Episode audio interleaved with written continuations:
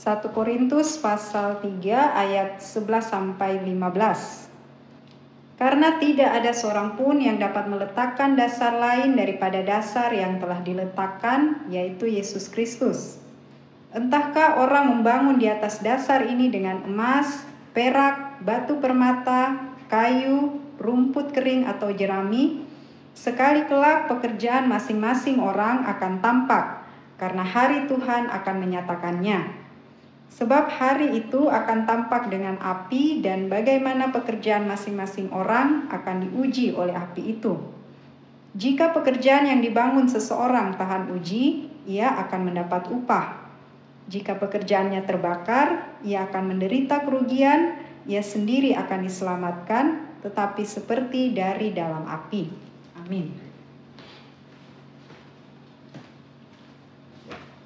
Bapak Ibu, saudara-saudari dan adik-adik yang dikasih Tuhan, pembacaan kita tadi adalah Rasul Paulus menulis surat buat jemaat yang dia rintis di kota Korintus yang memberikan nasihat bahwa dasar iman kita, dasar iman orang Korintus dan kita juga umat Tuhan di akhir zaman, dasar iman dan dasar rohani kita adalah Tuhan Yesus. Tidak ada dasar yang lain. Dan dengan dasar iman dan rohani dalam Tuhan Yesus, kita melakukan pekerjaan-pekerjaan atau dengan kata lain pelayanan-pelayanan yang nanti diuji oleh Tuhan dengan api.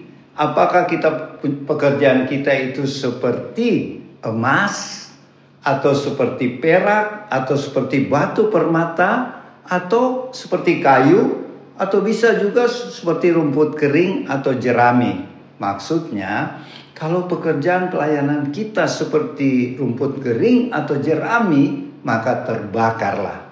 Artinya, kita memang selamat, tetapi upah kita di sorga, ah, itu dibilang ayat 14, Barang siapa yang tahan uji, ia akan mendapat upah. Upah kita di sorga ialah tempat tinggal kita bersama Tuhan.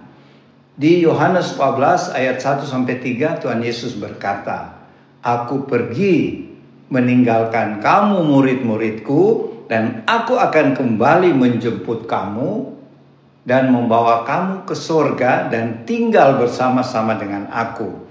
Jadi, rencana Tuhan buat kita umat percaya, baik dia agama Kristen, Protestan, Katolik, agama Advent, atau agama Pantekosta, karismatik, semua yang percaya Tuhan sudah pasti menerima anugerah keselamatan.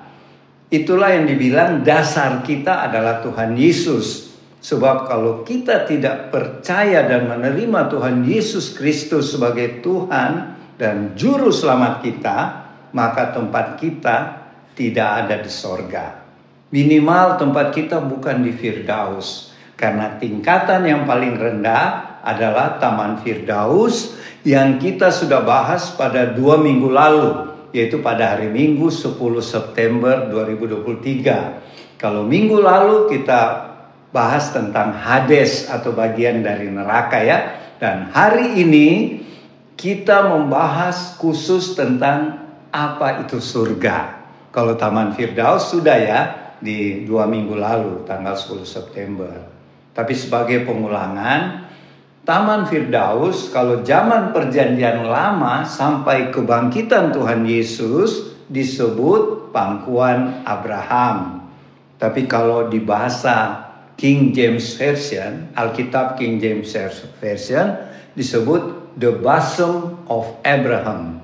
Artinya dadanya Abraham. Tetapi diterjemahkan oleh Lembaga Alkitab Indonesia Pangkuan Abraham ya.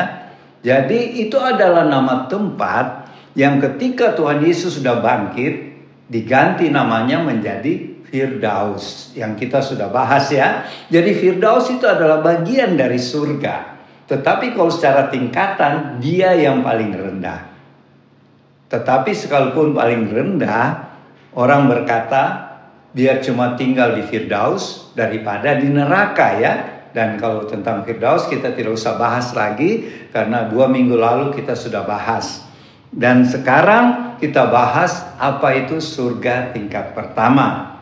Ya sebagai uh, pemahaman dari pengalaman Opa waktu dibawa ke surga, Tuhan menjelaskan dan juga melalui hamba-hamba Tuhan lain yang saya dapatkan pengetahuannya bahwa surga itu sebenarnya ada terbagi lima tingkatan. Yang pertama Firdaus, itu yang paling rendah ya. Kita sudah bahas dua minggu lalu. Kemudian ada surga tingkat pertama, itu kedua ya. Terus ketiga ada surga tingkat kedua. Dan yang keempat ada surga tingkat ketiga. Dan yang kelima yang paling sempurna, yang paling indah dan yang paling tertinggi di surga yaitu kota Yerusalem baru ya itu ada di kitab Wahyu ya tertulis jadi Bapak Ibu saudara-saudari adik-adik Tuhan berpesan bahwa dia pergi dan dia akan kembali menjemput kita supaya kita masuk surga minimal firdaus ya dan sekarang kita berusaha memahami apa itu surga tingkat pertama Surga tingkat pertama waktu saya di bawah Tuhan ya, opa di bawah Tuhan uh, ke surga, Tuhan tunjukkan. Inilah surga tingkat pertama. Di surga tingkat pertama saya masih ingat banyak apartemen-apartemen ya. Tapi apartemennya indah sekali. Waktu saya masuk ke dalam salah satu apartemen, saya pernah mungkin masuk salah satu apartemen di Jakarta yang luks, yang mewah dan indah masih belum apa-apa dibandingkan dengan apartemen yang saya dibawa di surga tingkat pertama. Di situ banyak apartemen. Dan ketika saya masuk dalam apartemen-apartemen itu, banyak orang yang saya kenal yang sudah meninggal duluan ya. Dan mereka ada tinggal di apartemen itu. Di antaranya kalau saya ingat, tapi saya tidak boleh sebut nama ya untuk kode etiknya, salah seorang pendeta waktu saya ber, uh, melayani di Gorontalo, ada salah satu pendeta itu, saya ketemu di apartemen, saya bertanya, wah Pak, Bapak di surga ini ya? Iya syukur, sebenarnya saya bisa dapat surga lebih tinggi lagi tingkatannya, yaitu surga tingkat dua ya, dan fasilitasnya bukan apartemen, itu rumah. Jadi beda ya. Tapi di apartemen saja sudah mewah ya. Kenapa saya sebut apartemen? Seperti apartemen di dunia itu terdiri dari kamar-kamar dan tiap jiwa yang percaya Tuhan dan diselamatkan dan sudah melakukan pelayanan. Kalau di Firdaus belum melakukan pelayanan ya, kayak Desmas itu yang penjahat di sebelah kanan Tuhan. Tetapi yang masuk surga tingkat pertama, mereka itu yang sudah sungguh-sungguh percaya Tuhan Yesus, menerima Tuhan Yesus sebagai juru selamat. Kalau tidak menerima Tuhan Yesus dan sebagai juru selamat juga tidak akan masuk surga. Itu sudah syarat mutlak, ya. Syarat yang pasti. Jadi Bapak, Ibu, saudara-saudari, adik-adik, marilah kita sungguh-sungguh percaya mengasihi Tuhan Yesus sebagai Tuhan dan Juru Selamat kita. Kita harus mengasihi Dia dengan sungguh-sungguh, dengan hati yang tulus, ya.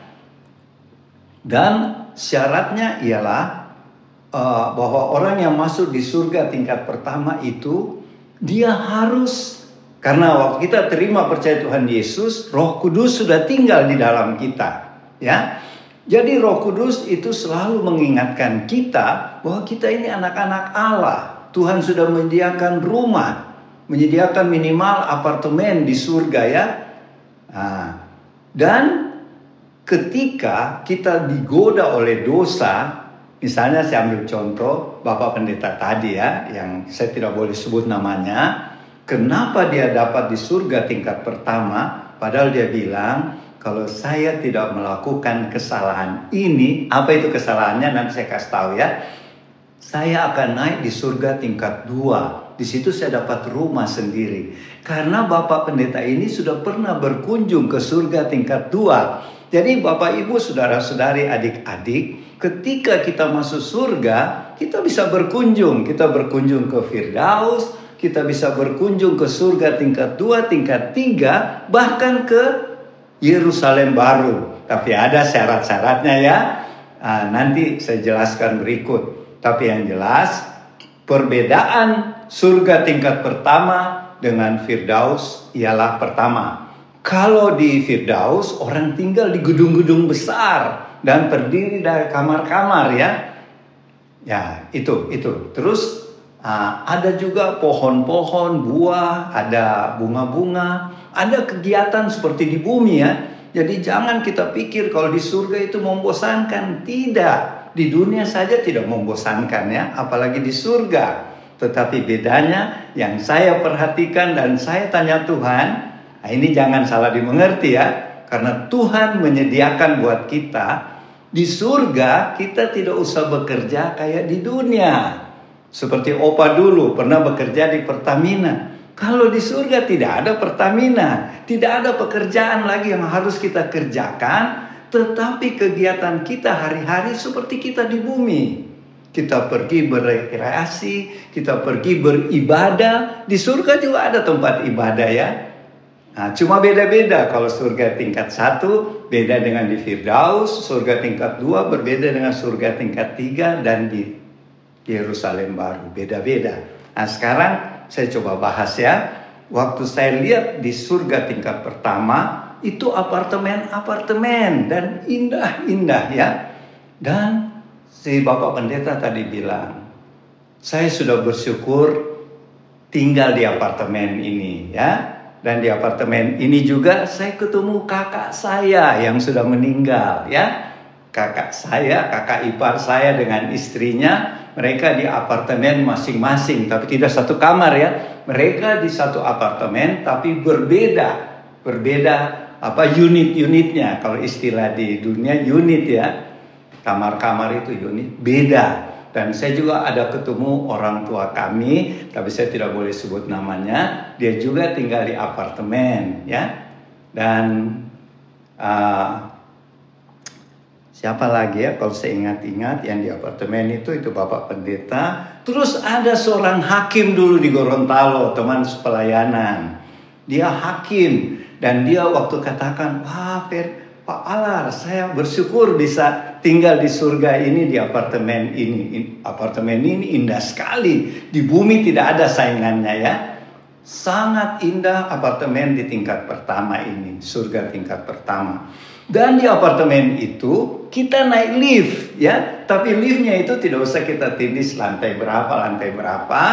Kita sebut saja dan lift itu tahu kita akan berhenti di lantai berapa, di mana kita tinggal. Nah, itu ajaib kan? Dan tidak usah bekerja seperti di bumi. Kita harus capek-capek ke kantor. Tapi harus kan? Karena Amsal bilang kalau tidak bekerja, tidak makan. Tetapi kalau di surga beda. Tidak bekerja pun kita dikasih makan. Dan makanannya apa? Buah-buahan. ya Banyak buah-buahan. Dan makanan lain juga ada. ya Jadi bukan cuma buah-buahan. Makanan yang ada di bumi ada juga. Dan di surga tingkat pertama itu saya diperlihatkan apartemen-apartemen itu ada fasilitas umumnya yaitu seperti kolam renang. Jadi di surga tingkat pertama kalau kita ada suka berenang bisa berenang di uh, fasilitas kolam renang itu. Dan indah sekali dan Bapak Ibu mau tahu apartemen di sana bukan dari batu bata dan semen, bukan dari batu-batu permata. Jadi indah sekali ya, sulit saya mau uh, uraikan dengan kata-kata, tapi apartemen di surga itu indah sekali ya. Padahal itu baru surga tingkat pertama ya. Dan sekarang apa syaratnya supaya masuk? Kita bisa masuk di surga tingkat pertama, bukan di Firdaus karena Firdaus itu kita sudah tahu ya syaratnya yang kita sudah bahas di tanggal 10 September yang lalu. Syaratnya ialah tidak boleh apa berkurang yaitu harus percaya dan menerima Tuhan Yesus sebagai Tuhan dan Juru Selamat. Itu sudah harga mati, tidak boleh tidak ya. Karena Tuhan Yesus berkata, tidak ada seorang pun yang dapat sampai kepada Bapa kalau tidak melalui aku. Artinya, tidak ada seorang pun sampai kepada Bapa di sorga kalau tidak percaya Tuhan Yesus. Jadi marilah kita sungguh-sungguh percaya dan mengasihi Tuhan Yesus. Tapi kenapa sampai Bapak Pendeta tadi uh, sampai saja di surga tingkat pertama, padahal dia rindu kalau bisa di surga tingkat dua, yaitu punya rumah masing-masing ya. Gini, dia bilang saya betul-betul menyesal. Waktu Bapak dulu berdoa dengan saya, maksudnya Opa ya berdoa dengan dia di gereja, pernah dia minta didoakan, dia rupanya waktu saya uh, suruh dia mengampuni orang lain, dia susah mengampuni si ketua sinode. Saya tidak boleh sebut ya, ketua sinode itu dia kepahitan sama ketua sinode itu. Jadi, mengapa dia sampai di surga tingkat pertama sekalipun dia seorang pendeta ya? Karena dia memang sudah melayani Tuhan ya, sungguh-sungguh dia memimpin satu jemaat yang besar di Gorontalo. Tetapi kekurangannya dia masih ada uh, rasa sakit hati kepada ketua sinode dan seharusnya dia harus mengampuni sungguh-sungguh ya. Tetapi itulah kekurangannya, tetapi dia masih bersyukur bahwa dia masih mendapat tempat di surga tingkat pertama. Ya, dia bersyukur. Terus Pak Hakim itu dia bilang, aduh bersyukur saya ketemu uh, Pak Palar, kita berdoa sama-sama, saya mengampuni orang-orang lain dan saya bertobat dari keputusan-keputusan saya sebagai hakim yang tidak adil. Jadi karena dia bertobat, dia masih masuk di surga tingkat pertama. Tetapi salah satu sebab juga kenapa orang sampai surga tingkat pertama tapi sudah syukur ya karena biasanya jatuh dosa berulang-ulang. Misalnya gini, dia seorang pebisnis ya. Ada saya kenal juga seorang pebisnis, tetapi dia suka tidak apa namanya tidak jujur. Dia kadang-kadang dalam bisnisnya pergi menyogok pejabat-pejabat pemerintah, harusnya tidak boleh. Tetapi ketika sadar dia bertobat. Tetapi berikut dia buang lagi, apa dia buat lagi, bertobat lagi. Nah, begitu ya. Jadi dia tetap masuk surga tapi hanya di tingkat pertama. Dan mereka berkata, "Syukurlah saya masuk di surga tingkat pertama masih tinggal di apartemen yang mewah ini." Dan di apartemen yang mewah ini ada taman-taman bunga, ada pohon-pohon buah-buahan, dan ada juga fasilitas kolam renang, lapangan golf, uh, hall tempat main musik, jadi kalau kita ada hobi main musik, disediakan alat-alat musik lengkap ya. Jadi di surga itu sama di bumi, tetapi lebih indah ya, lebih bagus. Bayangkan apartemennya dari batu permata, bukan dari batu bata dengan semen ya, bukan. Dan kemudian uh, yang saya terkesan bahwa uh, di surga tingkat pertama ini orang-orang yang masuk surga tingkat pertama mendapat satu mahkota. Dan saya tanya Tuhan, apa nama mahkota ini? Mahkota kebenaran. Kenapa disebut mahkota kebenaran? Karena orang yang sudah percaya Tuhan Yesus sebagai Tuhan dan Juru Selamatnya, mereka berusaha hidup sesuai dengan firman. Tetapi masih jatuh bangun ya, masih jatuh bangun tapi berusaha keras jadi seperti seorang olahragawan contohnya ya, untuk dia mendapatkan medali emas, dia berlatih keras ya supaya dia dapat emas itu, medali itu. Begitu juga orang yang masuk di surga tingkat pertama, mereka berusaha keras mengikuti kebenaran yang ada di firman, tapi kadang-kadang gagal. Dan bangkit lagi, gagal lagi, bangkit lagi. Tapi Tuhan memperhitungkan karena berarti orang itu berusaha mau hidup benar ya, tetapi sering jatuh oleh karena apa karakternya. Jadi faktor karakter juga penting ini ya. Tetapi satu kesaksian yang cukup indah yang saya ingat waktu kami di Gorontalo ya, kami sekeluarga pernah menyanyi di gereja ya, di gereja Immanuel Gorontalo. Kami sekeluarga menyumbangkan puji-pujian dan malam-malam sebelumnya kami selalu latihan, latihan bersama biasanya sampai larut-larut malam dan mungkin tetangga-tetangga dengar ya. Saya ingat kalau di sebelah rumah kami itu keluarga Mondong ya. Mereka tentu dengar kami lagi latihan menyanyi Tetapi beberapa hari kemudian saya berdoa subuh, Tuhan bilang, mulai hari ini saya hadiahkan kamu sekeluarga. Jadi bukan cuma opa oma ya, tapi anak-anak yang juga mau menyanyi bersama-sama memuji Tuhan, itu Tuhan perhitungkan. Jadi pada waktu itu Tuhan katakan ya, waktu habis kita menyanyi di gereja, Tuhan bilang, saya sudah sediakan tempat di sorga. Tapi waktu itu saya belum tahu sorga tingkat berapa ya, tetapi sekarang saya sudah tahu Ah, anak-anak saya yang ikut latihan dan menyanyi di gereja, Tuhan sudah sediakan rumah di surga tingkat kedua. Di surga tingkat kedua rumah bukan apartemen ya. Nanti kita bahas di minggu-minggu berikut. Jadi puji Tuhan, kami bersaksi bahwa Tuhan karena kami sungguh-sungguh melayani Tuhan, sampai kami korbankan waktu itu Tuhan perhitungkan ya.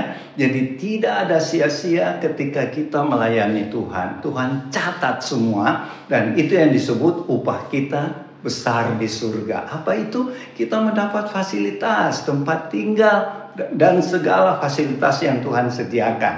Nah, saya ingat kembali kalau di surga tingkat pertama ada malaikat-malaikat yang melayani. Tapi melayani apa? Misalnya saya lihat itu hari waktu saya ke surga, ada keluarga-keluarga lagi duduk-duduk ya di taman. Ada malaikat datang membawa buah-buahan, membawa makanan. Jadi malaikat-malaikat ini melayani kita yang masuk surga tingkat pertama. Tetapi di Firdaus tidak ada malaikat yang melayani kita. Nah itu bedanya. Jadi di surga tingkat pertama sudah ada malaikat-malaikat yang melayani dan kita tinggal di apartemen yang bagus dengan fasilitas macam-macam dan mendapat mahkota satu mahkota yang namanya mahkota kebenaran ya. Jadi mari Bapak Ibu saudara-saudari adik-adik kita berlomba-lomba di dalam rohani kita seperti Paulus bilang, kita berlomba-lomba seperti seorang petinju yang tidak memukul angin. Kita berlomba-lomba sebagai tentara, sebagai petani yang menuai ya. Jadi jangan kita statis. Kalau kita statis, kita cuma sampai di Firdaus. Kalau kita pasif. Jadi mari Bapak Ibu Saudara-saudari kita punya roh yang bernyala-nyala ya. Karena roh kudus itu panas ya. Membuat kita lebih bergairah, lebih antusias. Jadi saya ulangi lagi, di surga kita tinggal di apartemen-apartemen, orang-orang percaya Tuhan Yesus dan mau sungguh-sungguh hidup sesuai kebenaran firman. Sekalipun kadangkala jatuh bangun ya, tetapi karena jatuh bangunnya ini, perjuangannya ini bersama Roh Kudus mendapat kita mendapat mahkota kebenaran ya. Jadi sangat indah ya. Jadi marilah Bapak Ibu Saudara-saudari uh, kita berusaha hidup sesuai dengan kebenaran firman Tuhan atau bahasa lainnya kita hidup selaras dengan firman Tuhan, kita berani menolak dosa, kita berani menolak godaan-godaan yang mau menjatuhkan kita bersama Allah Roh Kudus. Kalau kita sendirian tidak mampu ya. Dan mari kita sungguh-sungguh percaya Tuhan Yesus yang adalah Tuhan dan Juru Selamat kita.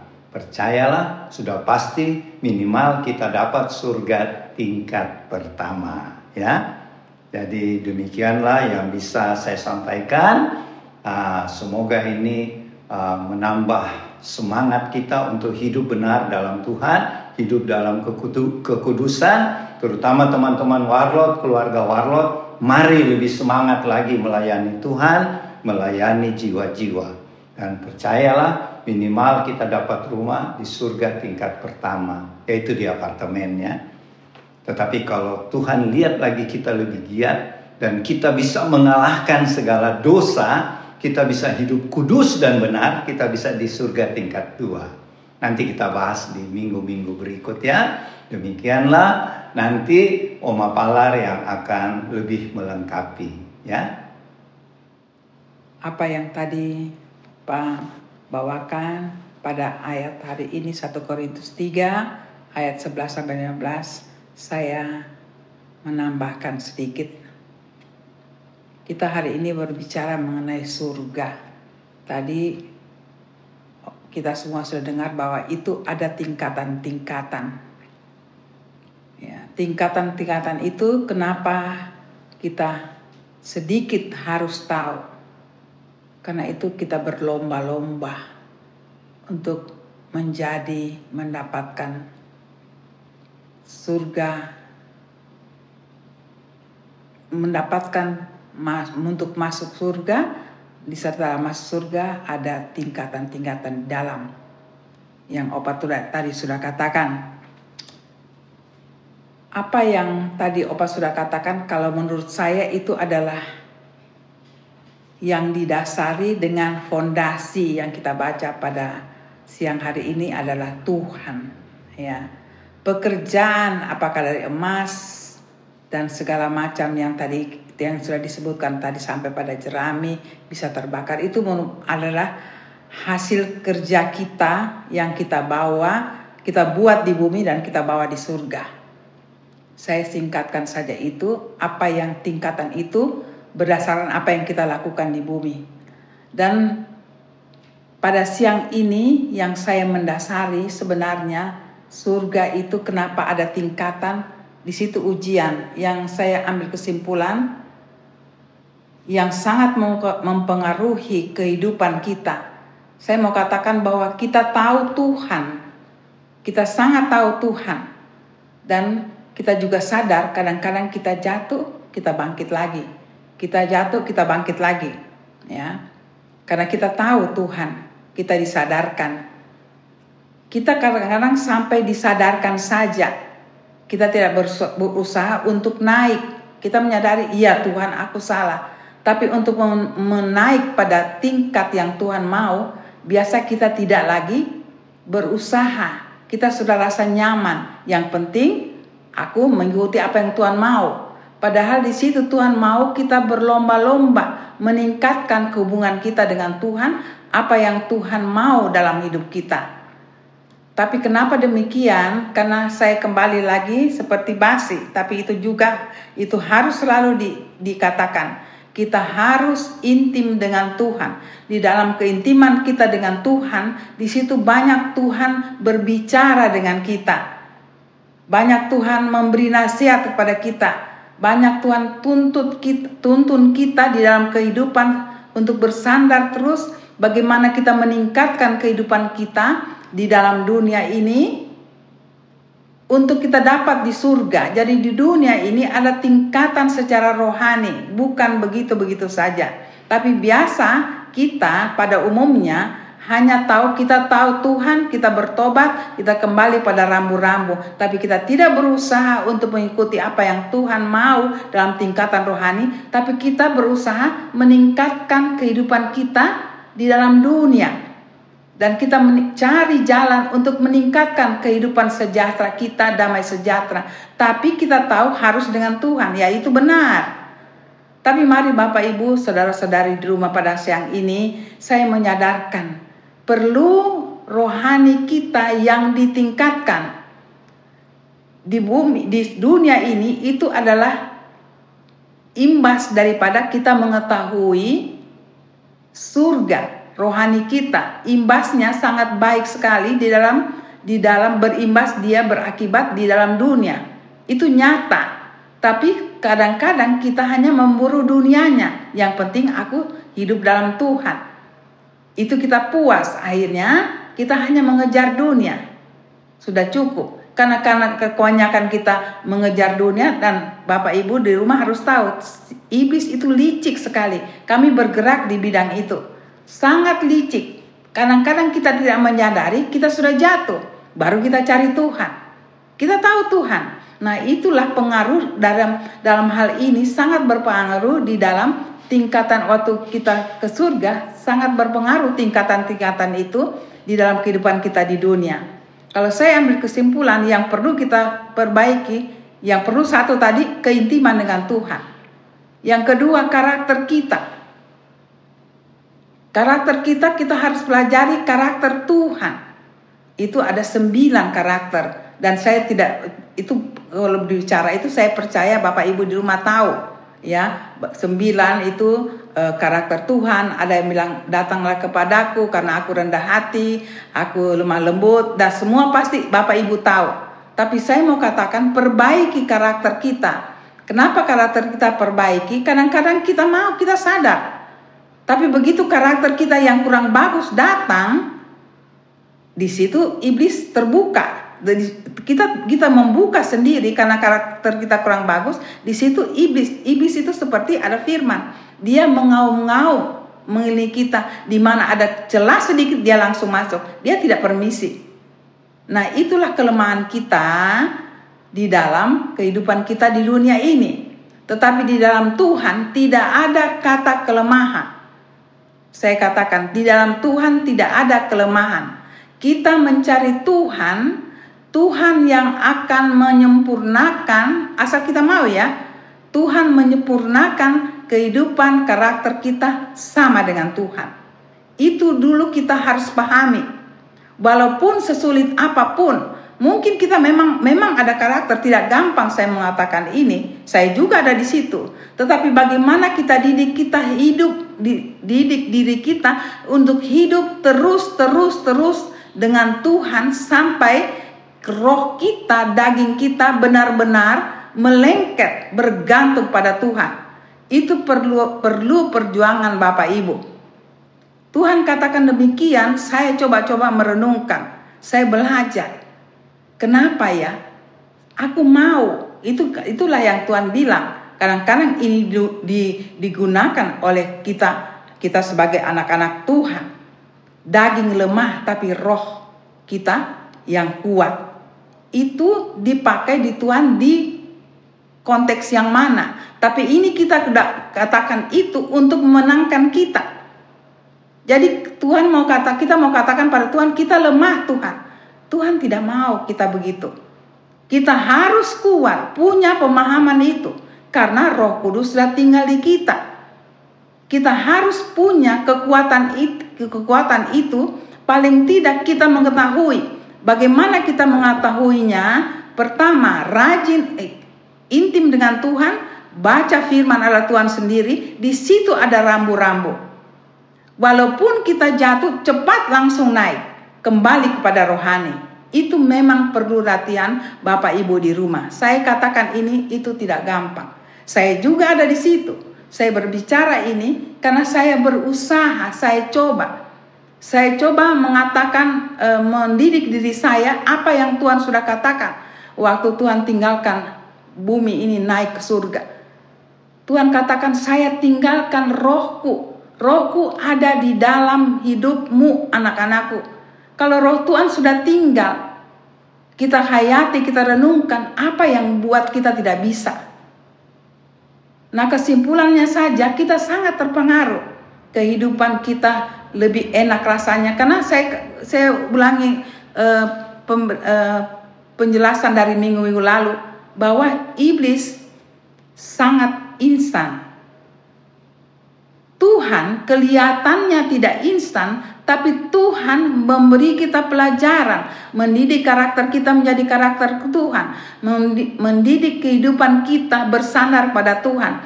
Itu kata kita katakan susah, kalau kita mau, Tuhan mudah, asal kita mau. Kenapa saya katakan begini? Saya juga berusaha. Kami sekeluarga berusaha. Memang kata dunia itu tidak gampang. Memang betul tidak gampang. Tapi saya rasa gampang karena apa pun menurut dunia ini ada masalah, tetapi di dalam Tuhan masalah itu banyak, penuh solusinya dengan cara Tuhan. Itulah membuat setelah kita tinggalkan dunia itu hasil-hasilnya itu adalah tingkatan yang Opa sudah katakan tadi. Kita berjuang mau walaupun jatuh tak jatuh bangun kita Tuhan tolong aku perbaiki karakterku supaya hidupku benar-benar bergantung di, di dalam Tuhan. Tuhan tahu sebentar kita jatuh sebentar tapi pemahaman mindset kita berpikir Tuhan itu yang paling penting. Ya, itu yang mendasari Tuhan lihat hati kita. Bukan bukan perjuangannya, memang perjuangannya itu kedua, tapi hati kita mau memperjuangkan hati itu yang Tuhan mau. Tuhan kita tahu, Tuhan melihat hati, melihat hati di situ dasarnya. Kita mau Tuhan, aku berusaha. Mungkin kita satu dua tiga berusaha sampai di situ kita sudah terseok-seok, tapi Tuhan tahu Tuhan tambahkan sampai sempurna. Itu kuncinya. Supaya waktu kita tinggalkan dunia ini, apa yang kita kerjakan dengan pengendalian diri kita itu Tuhan memperhitungkan. Ya, di dunia saja kita bisa dapat hasilnya kalau kita berjuang dengan Tuhan, apalagi di surga. Itulah yang Opa katakan, ada tingkatan Firdaus pertama, kedua, ketiga, keempat dan seterusnya. Ya. Nah, mengenai surga, saya um, sangat rindu kita semua bisa tingkat kalau bisa kita berusaha di tingkat yang tinggi. Tapi marilah kita serahkan kita punya kehidupan di dalam Tuhan. Tuhan yang memimpin kita.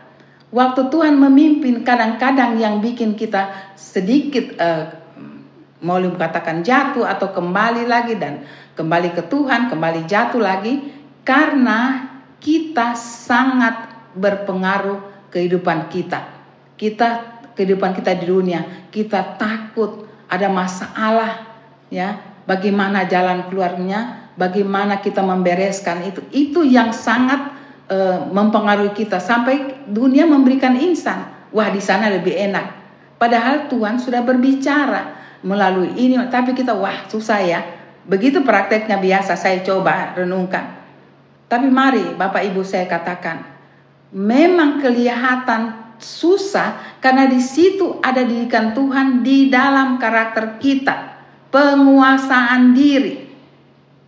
Itu Tuhan perhitungkan sekali lagi saya bilang katakan ya, Tuhan perhitungkan kita memikirkan Tuhan tolong, Tuhan tolong aku. Kita baru katakan begitu saja hati kita Tuhan sambut.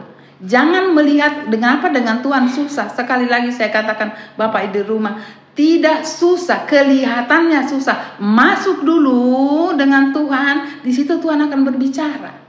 Dan hasilnya seperti Opa katakan waktu, waktu kalau kita tinggalkan dunia ini, kita dapat kelas-kelas di sana. Ya, mengenai pada siang ini kita berbicara mengenai surga tingkat pertama. Surga tingkat pertama Firdaus saja sudah enak, apalagi tadi Opa terangkan surga tingkat pertama. Ada banyak keluarga. Saya, Opa sudah berapa kali dibawa ya.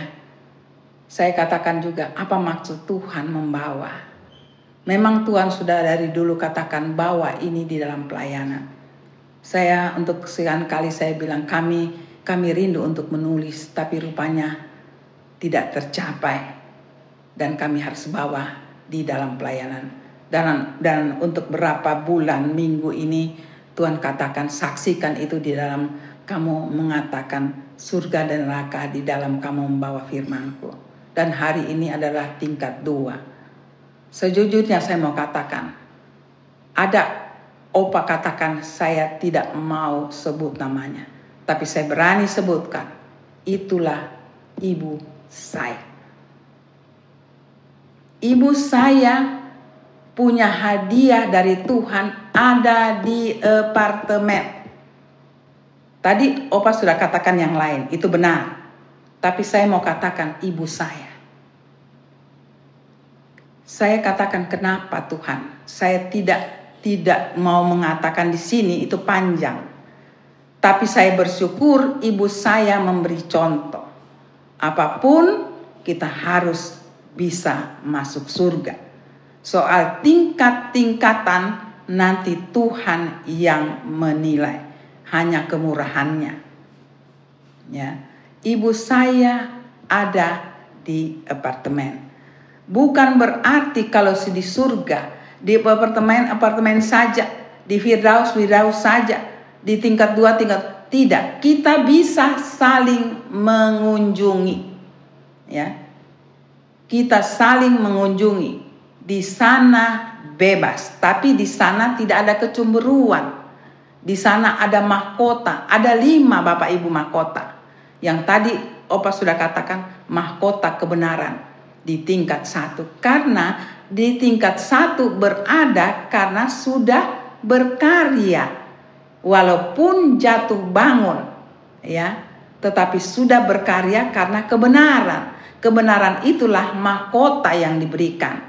Ya, saya tidak berbicara dua tiga selanjutnya belum. Baru malam, baru siang ini kita berbicara di surga tingkat dua. Mari Bapak Ibu, saudara-saudari tim Marlot, kita berjuang bersama-sama. Di surga itu indah sekali. Saya nanti akan berikan kasihan mungkin Opa sendiri bagaimana Tuhan menyediakan waktu untuk berjalan bersama kita. Ya, Tuhan Yesus berjalan bersama Opa, mengunjungi keluarga. Indah sekali. Kalau baca juga buku buku Cu Thomas yang saya bilang beliau sudah meninggal, ya, tinggalkan dunia. Di situ sampai ber, bertamasya, ya, menangkap ikan, bakar ikan di celah-celah batu. Itulah surga. Indah sekali Bapak Ibu. Kalau baca itu rasa indah sekali, tidak ada kesusahan, tidak ada lagi. Di sana senang kita apa yang kita senangkan di semua ada. Ya. Di sana semua ada. Tinggal kita mau apa. Di sana ada puji-pujian. Setiap hari kita memuji Tuhan dengan karya yang Tuhan berikan pada kita. Mari kita berlomba-lomba di situlah tingkat yang saya simpulkan bahwa tingkat dua adalah mempertahankan kebenaran. Mencari Tuhan walaupun mungkin kita jatuh bangun ya, tapi kita tetap cari kebenaran. Ya, di situ ada perhitungan, ada diperhitungkan. Mungkin saya bisa simpulkan kalau semua sudah lengkap baru bisa bilang kenapa tingkat 1 2 3 karena kalau itu nanti disebut sesudah kita selesaikan tingkatannya dulu. Kenapa harus ada di sini, di sini, tingkat ini? Karena itu perlu perlu pemahaman ya. Ya, jadi kita baru, baru berbicara tingkat satu dulu. Yang saya katakan bahwa itu benar. Ya, bahwa orang tua kami kami sudah lihat. Ibu saya ada di apartemen banyak, banyak yang saya bisa bicara, tapi saya berbicara ibu saya sendiri. Beliau sering mempertahankan kebenaran, ya. Sangat keras hanya untuk kebenaran. Itu yang saya mendapat kesan dari seorang ibu. Dan saya juga demikian sekarang. Dan selanjutnya saya ingin kenapa Tuhan ada dua, tiga, empat. Itu saya renungkan. Tapi nanti kita akan berbicara selanjutnya di, di minggu lain kenapa perjuangan apa sampai kita bisa tingkat lebih tinggi karena kita harus yang saya bisa buka sedikit harus jadikan diri kita adalah pribadi Tuhan memang kalau dilihat itu berat sekali Bapak Ibu tapi itu yang Tuhan perhitungkan ya kita kita mungkin kita sebut karena zaman kita tapi Alkitab memberi contoh sangat banyak. Sangat banyak. Di situlah intinya kenapa mereka ada di Yerusalem. Lihat cara hidup mereka. Lihat kehidupan mereka apa yang Tuhan katakan. Banyak penyangkalan diri. Ya, tapi itu nanti kemudian dikupas lebih lebih minggu-minggu depan dilubah, dikupas lebih dalam lagi ya. Mari kita bersyukur bahwa Tuhan menyediakan upah bagi kita yang berjuang bersama Tuhan di dalam kehidupan kita di dunia ini. Itu saja yang saya bisa tambahkan. Mari kita bersuka cita ya. Karena indah, lebih indah dari dunia.